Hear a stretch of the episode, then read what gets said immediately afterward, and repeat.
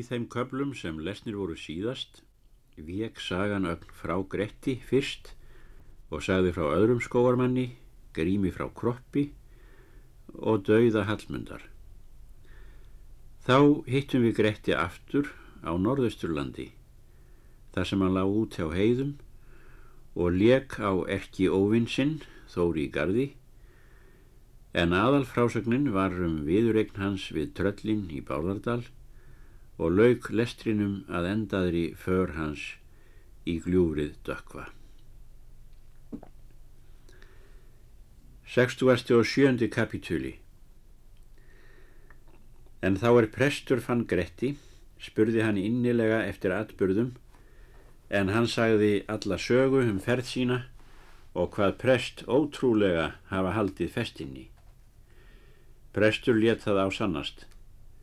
Þóttust menn það vita að þessir óvættir eh, mundu hafa valdið mannakvörfum þar í dalnum, varð og aldrei mein af afturgöngum eða reymleikum þar í dalnum síðan.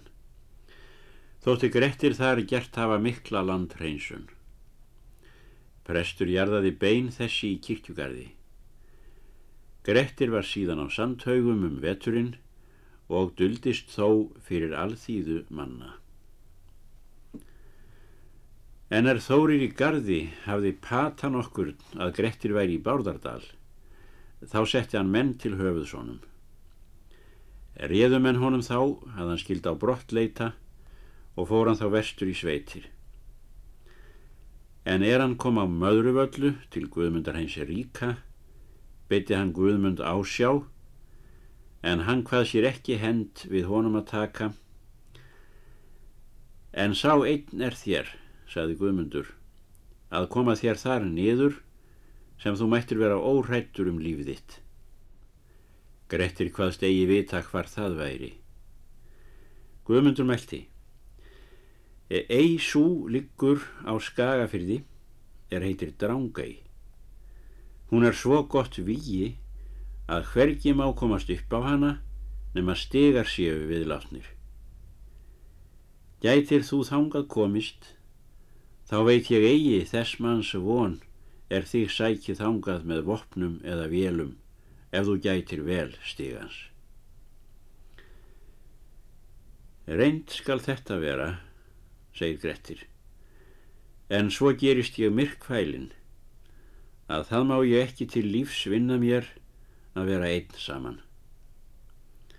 Guðmundur meldi. Vera má að svo sé, en trú þú engum svo vel að þú trúir eigi best sjálfum þér, en vand sénir eru margir. Grettir þakkaði honum heilræði, fór hann þá brott af möðruvöllum. Hann létti eigi fyrir hann kom til bjargs. Móður hans fagnaði honum vel og þau yllu í bæði, dvaldist hann þar nokkra nætur. Þar fréttan Víg Þorsteins Kuggasonar. Hafði það orðið um haustið, áður en Grettir fór til Bárðardals, þótti honum nú taka mjög um að höggvast. Reið Grettir þá söður Holtavörðu heiði og ætlaði að hefna Hallmundar ef hann heitti Grím En er hann komið í Norðurárdal, frétti hann að grímun var fyrir tveim vetrum eða þremur á brott þaðan sem fyrir var sagt. En því hefði Grettir svo seint spurt þessi tíðindi að hann fór huldu höfði þá tvo vetur og þann hinn þriðja sem hann var í Þóristal og hafði enga menn fundið þá er honum vildu nokkrar fréttir segja. Sneri hann þá til breyðafjörðardala og sætti þeim mönnum er fóri yfir brattabrekku. Let hann þá enn sópa greipar um eigin smábænda. Það var um hásumars skeið. Þetta sumar er leið, fætti steinvör að sandhaugum, sveinbarn og hétt skeggi. Hann var fyrst kendur kjartani, síni steinsprests að Eyjardals á. Skeggi var ólíkur öðrum sískinum sínum fyrir aflssakir og vakstar. En þá er hann var 15 vetra, var hann sterkastur norður þar og var þá egnaður Gretti. Hugðu menn að hann myndi afbræðs maður verða en hann andaðist 17 vetra og er engin saga af honum. 68. kapitúli Eftir víg Þorsteins Kuggasonar lagði Snorri Góði fæð mikla á þá Þórótt svonsinn og Sám svon barkar hins digra en það er eigi greint hvað þeir hafðu helst til saka utan það að þeir hafa eigi vilja gera eitthvert stórvirki það er Snorri lagði fyrir þá. Og því rak Snorri goði Þórótt brott frá sér og bað hann eigi fyrr aftur koma en hann hefði drepið einhvern skóarmann og svo var það vera fór Þóróttur þá yfir til Dala Þá bjó á Breiðabólstað í Sökkólfsdal, ekkjasú er gerilög hétt. Hún helt smalamann þann sem sekur var orðin um áverkamál, hann var frumvaksta piltungur. Það frétti Þóróttur Snorarsson og reið á Breiðabólstað. Hann spurði hvar smalamadur væri. Húsfreyja hvað hann vera hjá fjö eða hvað viltu honum?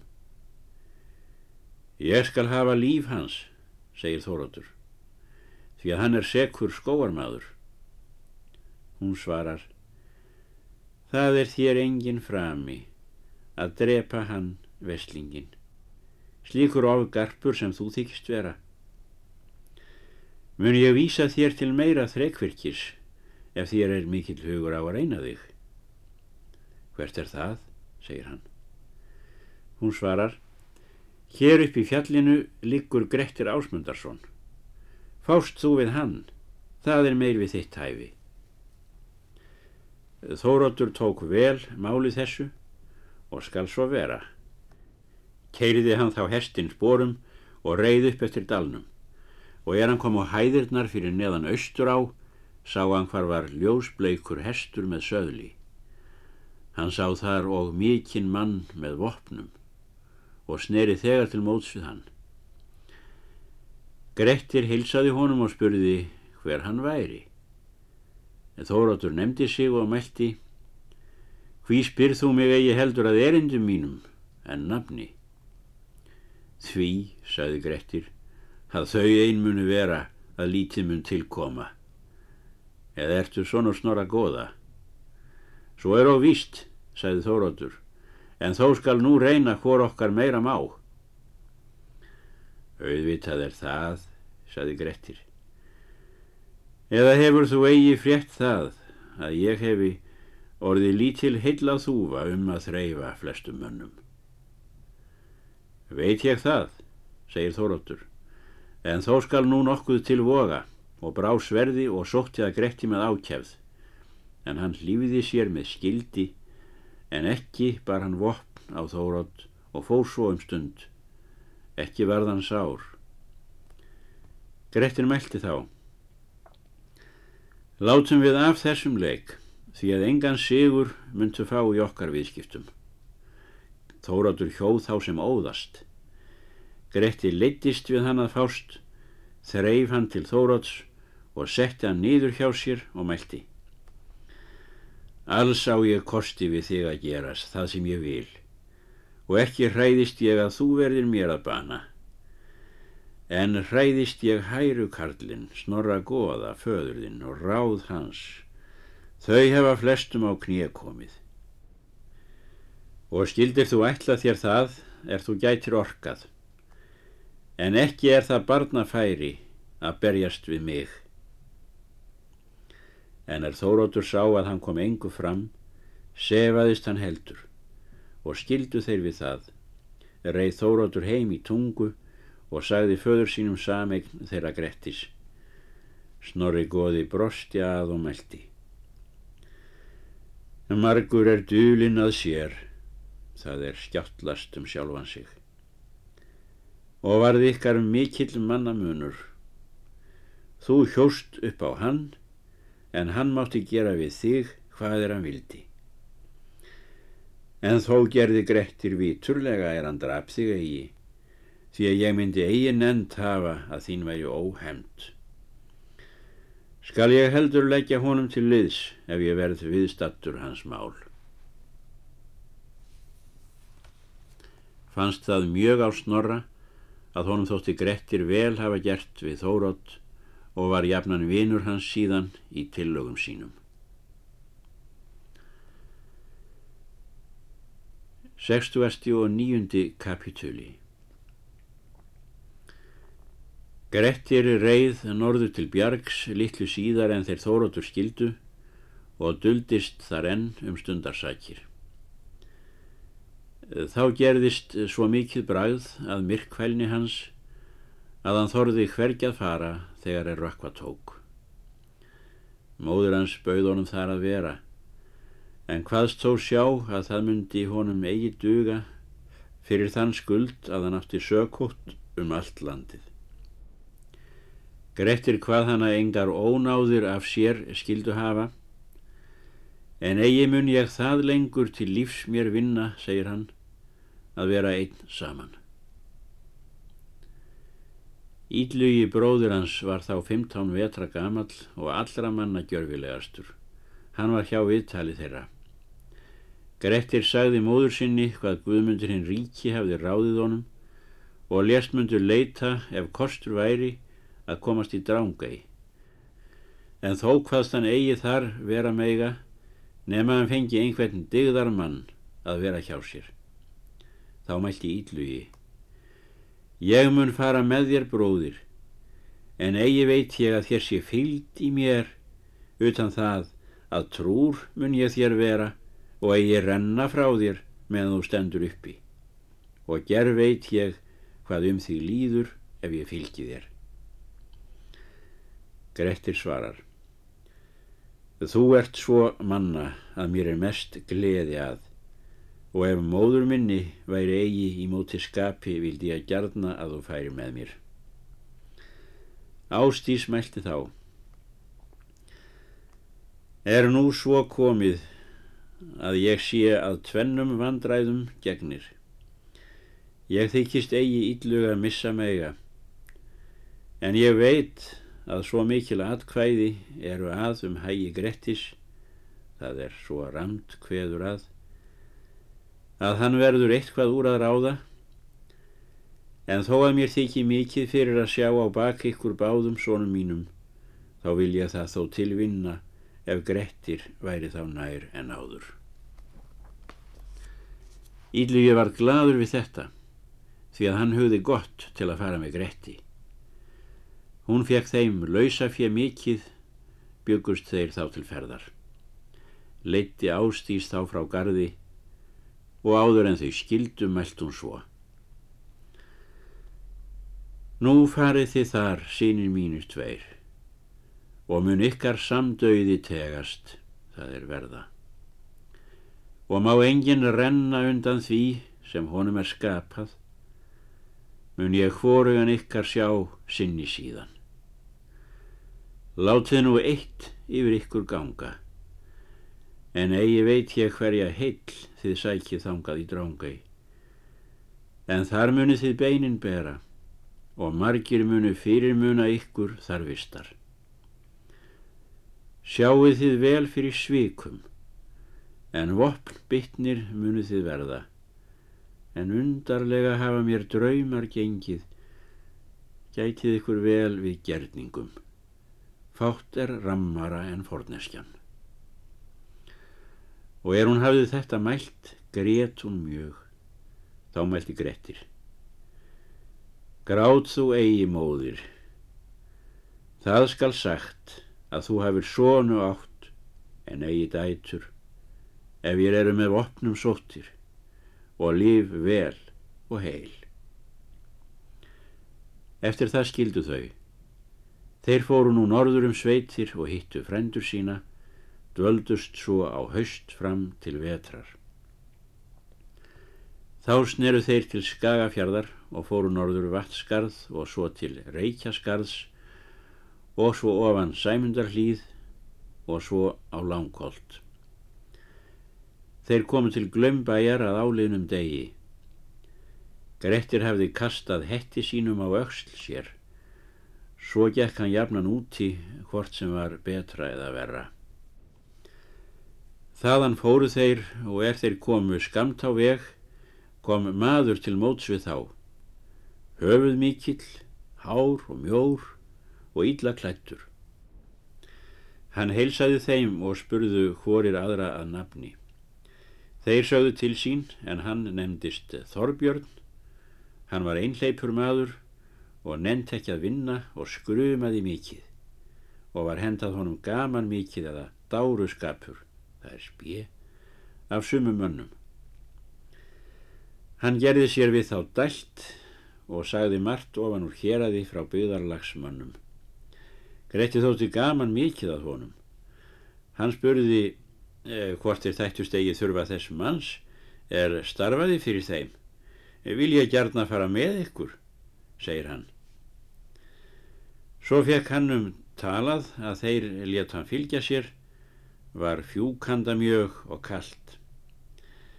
En með því að þessi maður var umfangsmikill og hinn mesti gárungur átti hann kenningarnafn og var kallaður glaumur.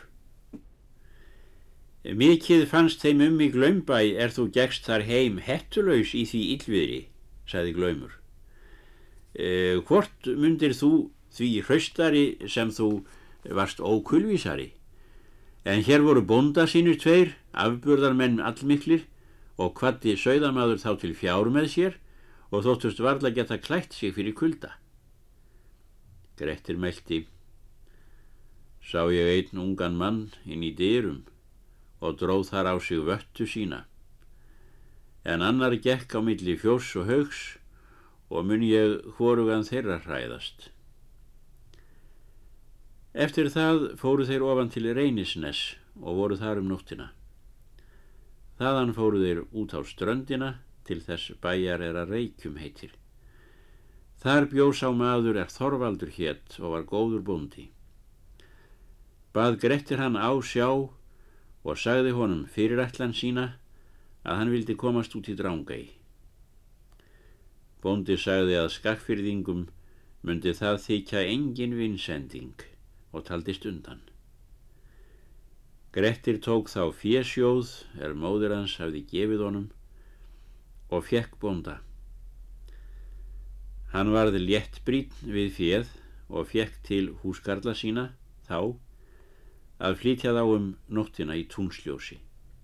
Frá reykjum er skemst til eigarinnar og er það vika sjávar en eh, er þeir komu í eina þótti Gretti þar gott um að litast. Því að hún var grasivaksinn en sjábrött svo að hvergi mátti upp á komast nema þar sem stigarnir voru við látnir. Og ef upp var dregin hinn efri stíin þá var það einskismanns færleikur að komast á eina.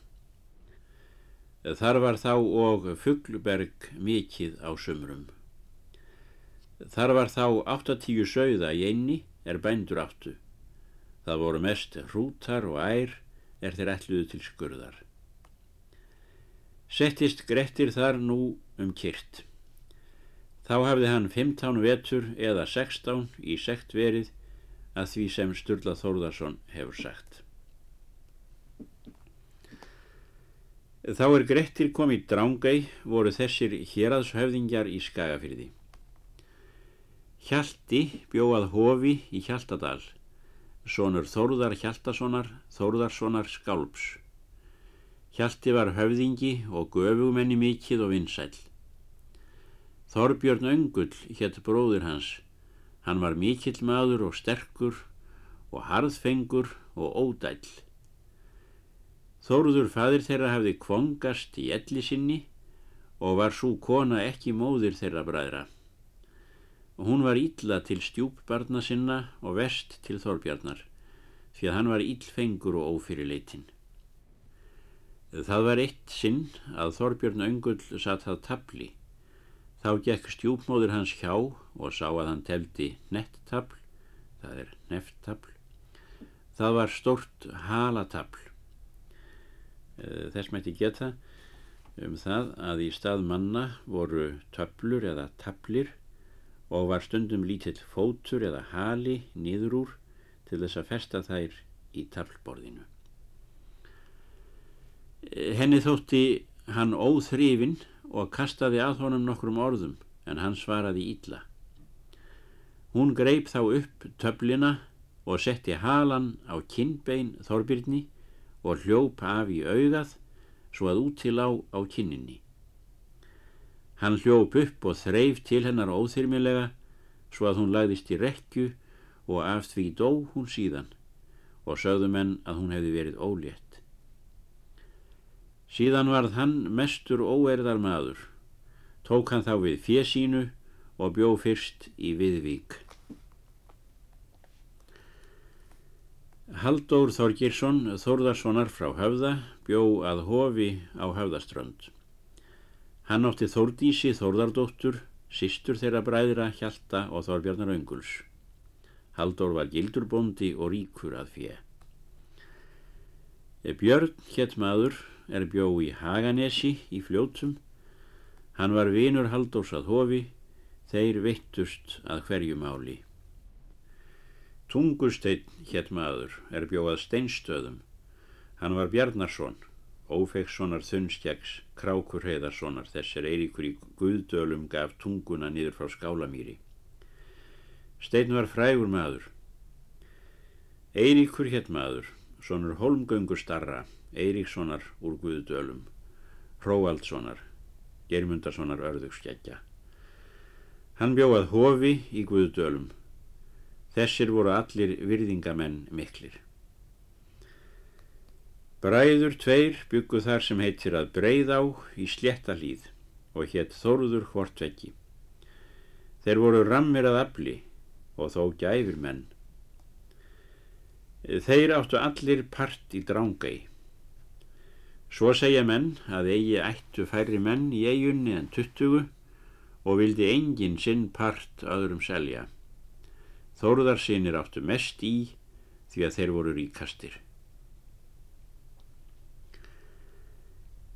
Sjötuasti og fyrsti kapitúli Nú líður fram að sólkvörfum. Þá byggustu bændur að sækja sláturfíja sitt í eina. Þeir skipuðu skútu og fekk hver mann fyrir sig en sumir tvo. En er þeir komu nær eigunni, sáu þeir þar menn á ferli. Það þóttu þeim undarlegt og gáttu þess til að nokkur menn eh, myndu hafa brotið þar skip sitt og komist þar á land. Reru nú þar að sem stegarnir voru, en hínir sem fyrir voru drógu upp stegana. Þá þótti bóndum undarlega við bræða og kölluðu á þá og spurðu eh, hverjir þar væri fyrir. Grettir nefndi sig og svo sína félaga. Bændur spurðu hver hann flutti út í eina. Grettir svarar Sá flutti mig sem farið átti og hendurnar hafiði og meiri var minn vínur en íðarvínur. Bændur svöruðu eh, Lát oss ná fjevoru og far til lands með oss og haf frjálst það sem þú hefur nýðurlagt að fjevoru. Grettir svarar Vel er það bóðið en þó munu nú hvorir hafa það sem fengið hafa. Og er það skjótt að segja yður að hérðan fer ég eigi nema ég sé döður um dregin ekki læt ég laust það sem ég hef höndum ákomið. Nú þögnuðu bændur og þótti mikill vágestur komin í drángæg Buðu þeir honum nú marga kosti, bæði með fégjöfum og fárum heitum. En Grettir neytti öllu og fóru bændur á brott við svo búið og undu ítla við sinn hlut. Sögðu þeir héradsmönnum hver vargur var komin í eina. Þetta kom mjög á þá óvara og þótti eigi hægt til aðgerða.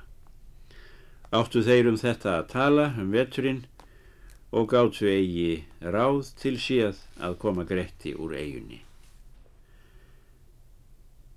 Sjötugasti og annar kapitúli Líður nú þar til er mann fara til Hegranes þings um vorið. kom fjölmenni mikið úr öllum héruðum, þeim sem menn áttu þangað að sækja.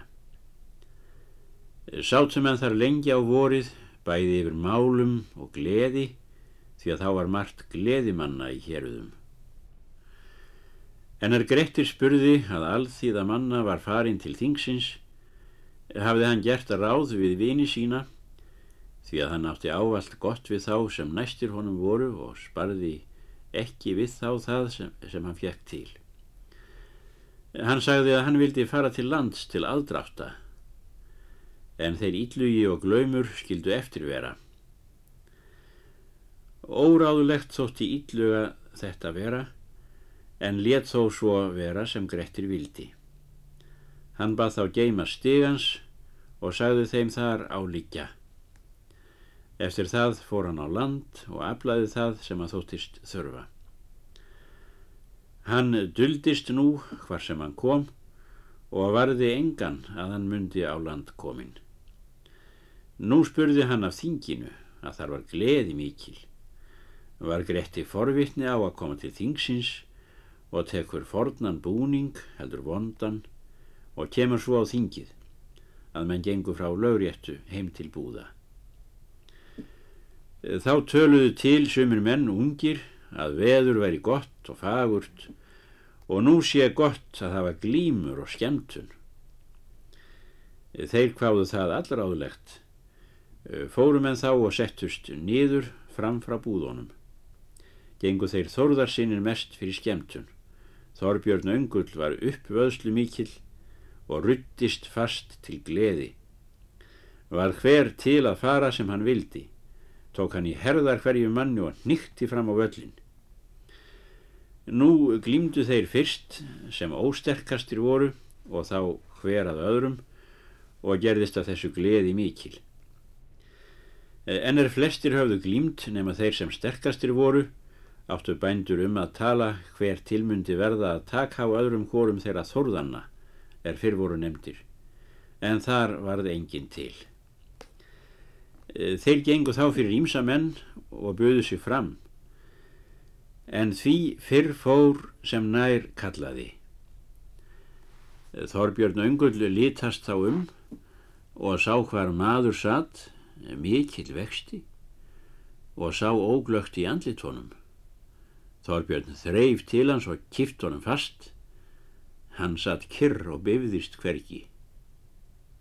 Þá mælti Þorbjörn. Engin hefur setið jafn fast fyrir mér í dag sem þú, eða hver er þessi maður?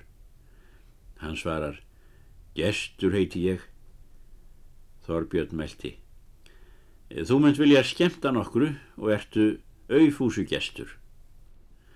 Hann svarar, skjótt þykir mér margt skipast kunna og mun ég eigi hlaupa í leik með yður en mér er allt ókunnugt fyrir. Töluðu þá margir að hann væri góðs fyrir verður ef hann vildi skemta mannum nokkru, ókunnun maður. E, hann spurði hvers þeir beittu hann. Þeir báðu hann glíma við einhvern. Hann hvaðst nýður hafa lagt að rjá, það er fljúast á. En gaman þótti mér að því um skeið. En er hann afneitti eigi með öllu, báðuðir hann því meir. Hann mælti, ef yður þykir undir um að ég sé dregin, þá munu þér það til vinna að handsala mér grið hér á þinginu og þar til sem ég kem til heimilis míns. Hér verði ég að hætta í kvöld og um griðamálinn segir í næsta lestri.